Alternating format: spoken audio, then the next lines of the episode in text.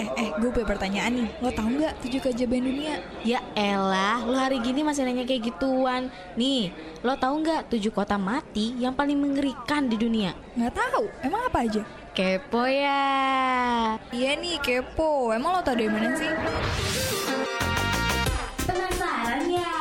Biar lo nggak kepo, dengerin aja Kepo ya Setiap hari Senin dari jam 2 siang sampai jam 4 sore Only on Radio Mercubuana FM Station for Creative Student Radio Mercu Buana, Station for Creative Student. Halo rekan Buana, gimana nih kabarnya hari ini? Nah, rekan Buana kali ini lagi ada di program Kepo ya sama gue Intan dan partner gue. Halo rekan Buana, kenalin nama gue Muti. Kali ini gue dan partner gue Intan bakal bahas hal-hal unik di program Kepo ya.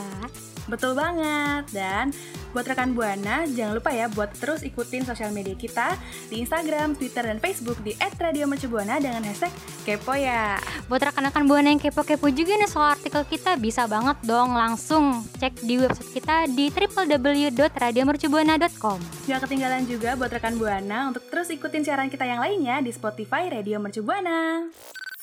Radio Mercubuana, station for creative student. Duh, nih ya gue kalau ngeliat hidupnya si Rafathar sama si Rayanza nih kayaknya enak banget tau gak sih? Soalnya kayaknya mau apa-apa, pengenan apa gitu tuh udah tersedia, udah nggak usah khawatir deh, udah langsung semuanya ada gitu. Lo kadang suka mikir gitu gak sih? Ya nggak sih katanya kayak makmur gitu kan? Hmm, bener kayak makmur gitu. Dan kalau ngomong-ngomong tentang makmur nih ya rekan buana, ada nih te- uh, negara kepulauan terkecil yang makmur. Tapi jangan terkecoh juga karena uh, negara terkecil tuh kan pasti kita langsung mikirnya Vatikan, Monaco gitu ya. Nah, kalau yang ini adalah negara kepulauan terkecil yaitu namanya Nauru yang berada di Mikronesia. Lain itu juga uh, uniknya negara ini nih ya, dia nggak ada sungai sama luas negaranya cuma 21 km persegi. Kecil banget kan? Dan buat perbandingan aja nih ya buat perbandingan, kalau misalkan Jakarta itu luasnya 661,5 km persegi. Coba kayak kayak cuma setengahnya Jaksel kan? FYI juga nih di Nauru tuh rumah sakit tuh cuma ada satu, lo bayangin ya. Di dekat rumah gue pun rumah sakit tuh ada tiga, ini cuma satu. Dan kantor pos pun juga cuma ada satu. Bayangin kalau seandainya lo kirim paket atau nunggu paket, kira-kira berapa hari tuh lama banget gak sih? Nah selain itu juga hotel cuma ada dua di negara ini dan jalan rayanya itu cuma sekitar panjangnya 30 km. Jadi kalau lo jogging bisa tuh lo pamer kayak lo habis dari mana? Gue keliling negara nih. Gitu. Nah kalau kalau tadi kan lu sempet mention kalau kantor posnya itu ada cuma satu ya, Iya. ya. Tapi kalau menurut gue, walaupun kantor pos cuma satu nih, kayaknya mereka juga nggak masalah gitu. Soalnya kan karena negaranya kecil ya, cuma 21 km gitu. Jadi kayaknya tetap bisa Oh, teratasi iya gitu. iya bener bener bener. Ya kan terus juga eh, dia nih bentuknya melingkar gitu sejalan rayanya ini jadi walaupun kayak lu jogging nih ya lu tuh kayak udah ngitarin senegara itu jadi kesannya mungkin konsep joggingnya nih jogging traveling kali ya Antar negara gitu ya dalam negara sendiri gitu ya. bener Nah rekan Buana jumlah penduduknya itu cuma ada 12 ribuan doang loh karena negaranya kecil dan cukup terasingkan. Kalau di kita sih ini kayaknya cuma sekedar satu kecamatan doang loh ya. Nah, dari total 12.000 penduduk yang tadi nih ya, ada juga 12 suku yang berbeda-beda. Itu bisa kita lihat dari benderanya Nauru itu sendiri, di mana ada 12 simbol bintang dengan 12 sudut. Wah, gila, bintang apa aja tuh ya? Bintang di langit yang indah bukan ya? Radio Mercu Buana Station for Creative Student. Oke rekan Buana, dari tadi gue sama Intan sudah bahas tentang fun fact, fun fact dari negara Nauru. Nah, tahu nggak sih rekan Buana, di tahun 1980, Nauru sempat loh jadi negara dengan pendapatan per kapita paling tinggi, mencapai 27 ribu US dollar per tahun. Bahkan ya, ini tuh ngalahin Amerika pada waktu itu yang cuma sekitar 12.500 US dollar. Nggak cuma Amerika, bahkan negara-negara kayak Korea, Jepang, Rusia, Cina tuh nggak ada apa-apanya dibandingkan Nauru waktu itu. Jadi rahasianya itu mereka tuh bukan kerja keras banting tulang, tapi gara-gara sumber daya alam yang namanya fosfat. Fosfat ini terbuat dari endapan kotoran hewan darat, burung, atau kelelawar. Nah, fosfat di Nauru ini tuh merupakan fosfat dengan kualitas tinggi loh rekan Buana. Rekan Buana tadi tahu ya kalau itu fosfat merupakan sumber daya alam yang paling bagus di Nauru. Ya, gimana dong? Ujungnya Nauru cuma terus-terusan mengekspor fosfatnya dong.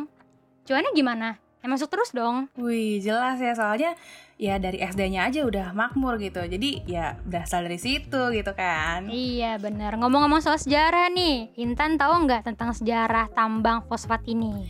Nah, kalau eh, tentang sejarahnya nih ya, kalau sebelum Nauru merdeka itu eh, tambang fosfat mereka nih masih dikuasain sama Inggris. Nah, penduduk Nauru itu cuma punya pilihan dua pekerjaan, yaitu berkebun atau jadi nelayan, di mana makanan mereka juga sehat banget, yaitu cuma sayur sama buah sama ikan gitu kan. Jadi healthy life banget deh pokoknya. Terus ya setelah merdeka, Nauru ini akhirnya bisa ngelola tambang fosfat ini. Juga pekerjaan rata-rata penduduk Nauru itu jadi pertambangan semua. Tapi nih ya karena baru ngerasain kebahagiaan, ya kan punya cuan banyak ngalir terus ya dari si fosfat ini, masyarakat Nauru ini terus-terusan ngeksplorasi gitu. Jadi mereka nggak merhatiin tentang sisi buruknya dari pengeksplorasian yang terlalu berlebihan ini nih.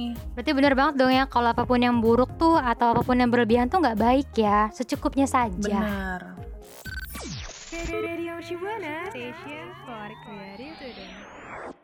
Nih rekan Buana, dari tadi kan kita tahu ya kalau negara Nauru ini dia punya cuan yang lancar akibat adanya fosfat.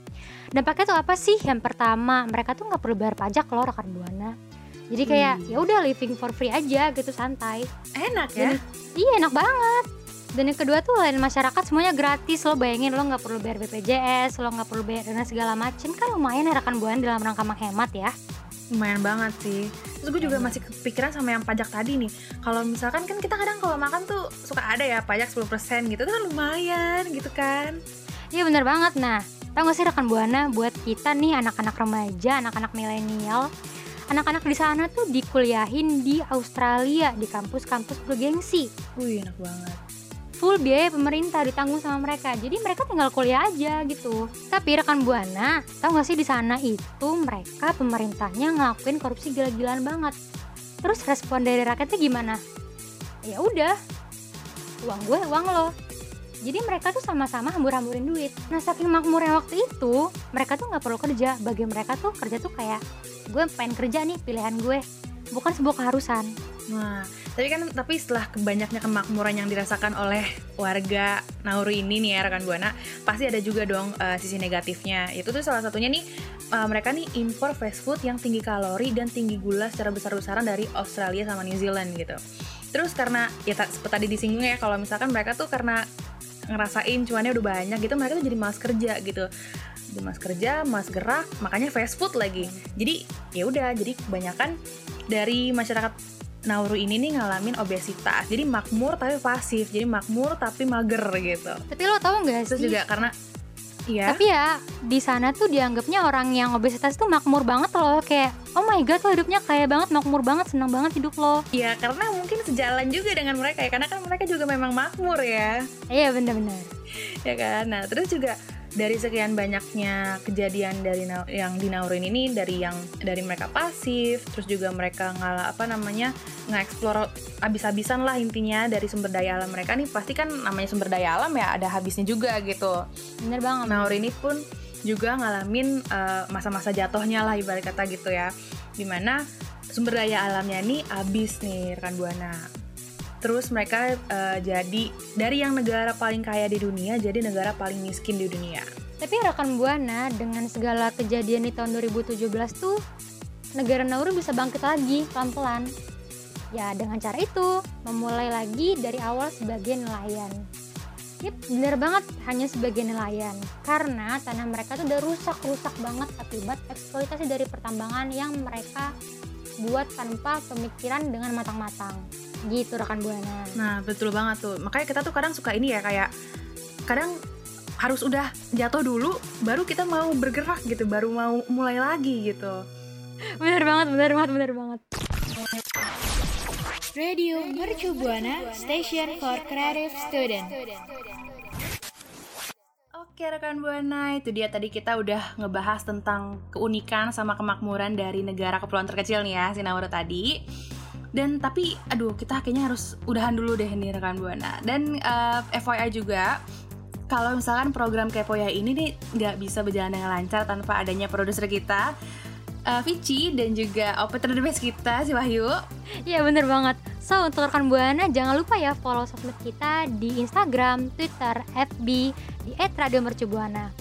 Buat rekan Buana yang pengen kepo-kepoin juga nih soal artikel kita, bisa banget loh cek di website di www.radiomercubuana.com. Terus rekan Buana juga bisa ikutin siaran kita lainnya di Spotify Radio Mercu Buana. Gue Intan pamit undur suara. Gue Munti pamit undur suara. Ya, See ya rekan Buana. Radio Shibuana Station for Creative.